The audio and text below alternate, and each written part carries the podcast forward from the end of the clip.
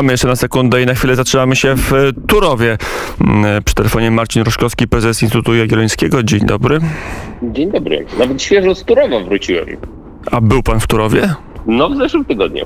I jak to wygląda? Oglądał pan kopalnię?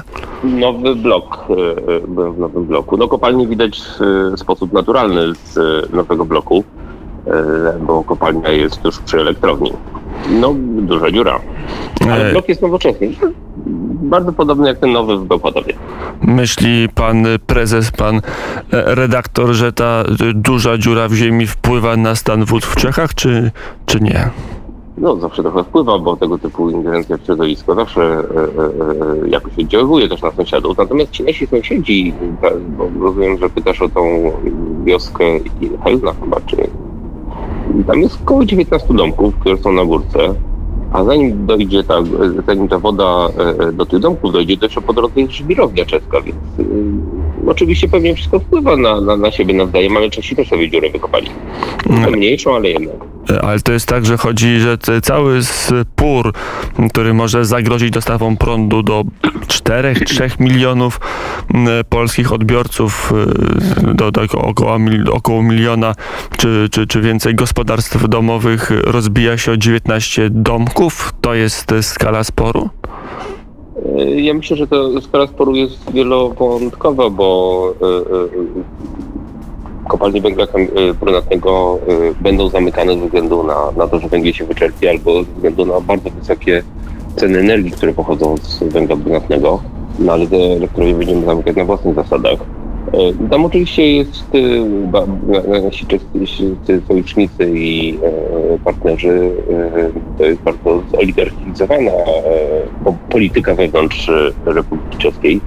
E, I tam oligarchowie czescy też trochę mieszają nam w, e, w naszym biznesie, bo, bo akurat czescy oligarchowie jakimś dziwnym zrządzeniem losu mają w promieniu 100 kilometrów przynajmniej trzy duże e, kopalnie węgla brunatnego połączone koleją z, z naszą częścią, z, na, z, na- z, na- z, na- z, na- z, naszą, z naszym krajem, więc e, tutaj różne interesy na pewno grają, e, ale Czesi mają taką, ponieważ Cze- Czechy zawsze były, czy dużą część swojej historii były w e, cesarstwie, no to poszły na skargę do, do nowego cesarza do Brukseli i dostały bumagę, że są w prawie.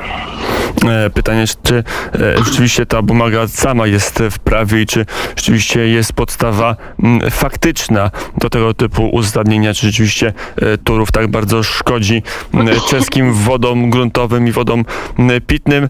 To jeszcze przejdźmy do tej warstwy politycznej. W, w Pradze, jak rozumiem, odbywają się konsultacje międzyrządowe na szeroki zespół, bo i wicepremier Jacek Sasin, minister aktywów państwowych i minister klimatu i kilku innych ministrów tam y, rozmawia, debatuje i, i mówią, że będzie kompromis, tylko nie wiadomo kiedy. Y, Co to jest za stanowisko negocjacyjne i, i dokąd ona nas zaprowadzi? To jest, myślę, komunikat y, dla nas, nie dla Czechów czy dla Brukseli, e, że proces trwa i się ma, ma, ma dobrze zakończyć. To trochę pokazuje, że w energetyce nie, nie ma, ta- ta sprawczość jest dosyć mocno ograniczona, nie jest w jednych e, rękach. E, Dosyć mocno krytykowany było, krytykowaliśmy Ministerstwo e, Energii, ale teraz ta odpowiedzialność została trochę zbyt mocno rozproszona i, i taka decyzja koncesja bo po stronie polskiej też było trochę e, jednak e, błędów. E, Natomiast widać, że teraz jest znowu pospolite ruszenie, ale jak widać Polacy świetnie sobie radzą w pospolitych ruszeniach. One nie zawsze wychodzą, ale miejmy nadzieję, że tutaj akurat się skończy dobrze. E, Turów produkuje, tam jest zainstalowanej mocy 1500 MW, więc produkuje tam tak około 3% e, plus minus mocy, którą zużywamy w Polsce. Tak. E, No dobrze, ale ile trzeba będzie zapłacić Czechom? Jak rozumiem, o to się cały problem rozbija, że Czesi chcą teraz od nas pieniędzy. Znaczy, jeżeli chodziłoby o e, e, zapewnienie wody czy, czy, czy, czy zabezpieczenie e, jednej czeskiej wioski, to myślę, że to jest fair, bo jednak należy uznać, że, że, że ten ze względu do bezsąsiedzkich uznań, że, że, że, że, ten gest może być wykonany, to nie, nie, nie byłyby tak że... Ale Praga chyba nie chce zabezpieczenia jednej wioski, bo to można by codziennie e, i 19 beczkowozów dostarczać i tak by nam się to opłacało. Stąd też y, no jest, tak powiem, przekonanie y, dosyć mocno ugruntowane, że, że, że nie chodzi tylko o, y, o wodę, tylko dodatkowy jakiś interes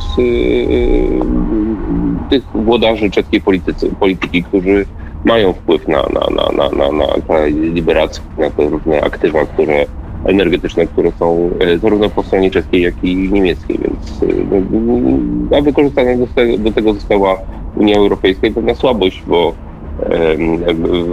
bo, bo niektóre błędy zostały na przykład popełnione przez, e, e, przez lokalnego, lo- lokalny samorząd, który, e, który zbyt e, szybko i na skróty szedł z decyzjami administracyjnymi.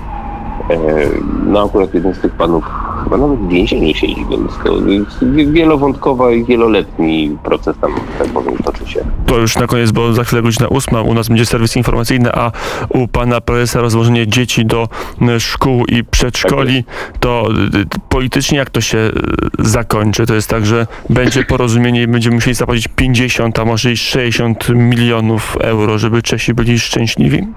No, z punktu widzenia biznesu, który tam prowadzi PG Gieksa, te, te 50 milionów to nie jest coś, co, co, co by ich przestraszyło.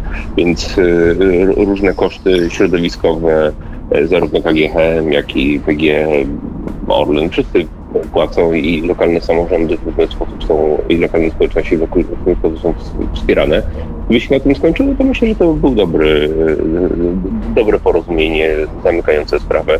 Z punktu widzenia rzeczywiście biznesu, który tam jest prowadzony i potrzeb energetycznych, myślę, że to było akurat. Mm, Powiedział Marcin Roszkowski, prezes Instytutu Jagiel- Jagiellońskiego, mm, ekspert od spraw energetycznych. Dziękuję bardzo za rozmowę. Dziękuję bardzo. Na zegarach 8 i 1 minuta, czas na serwis informacyjny.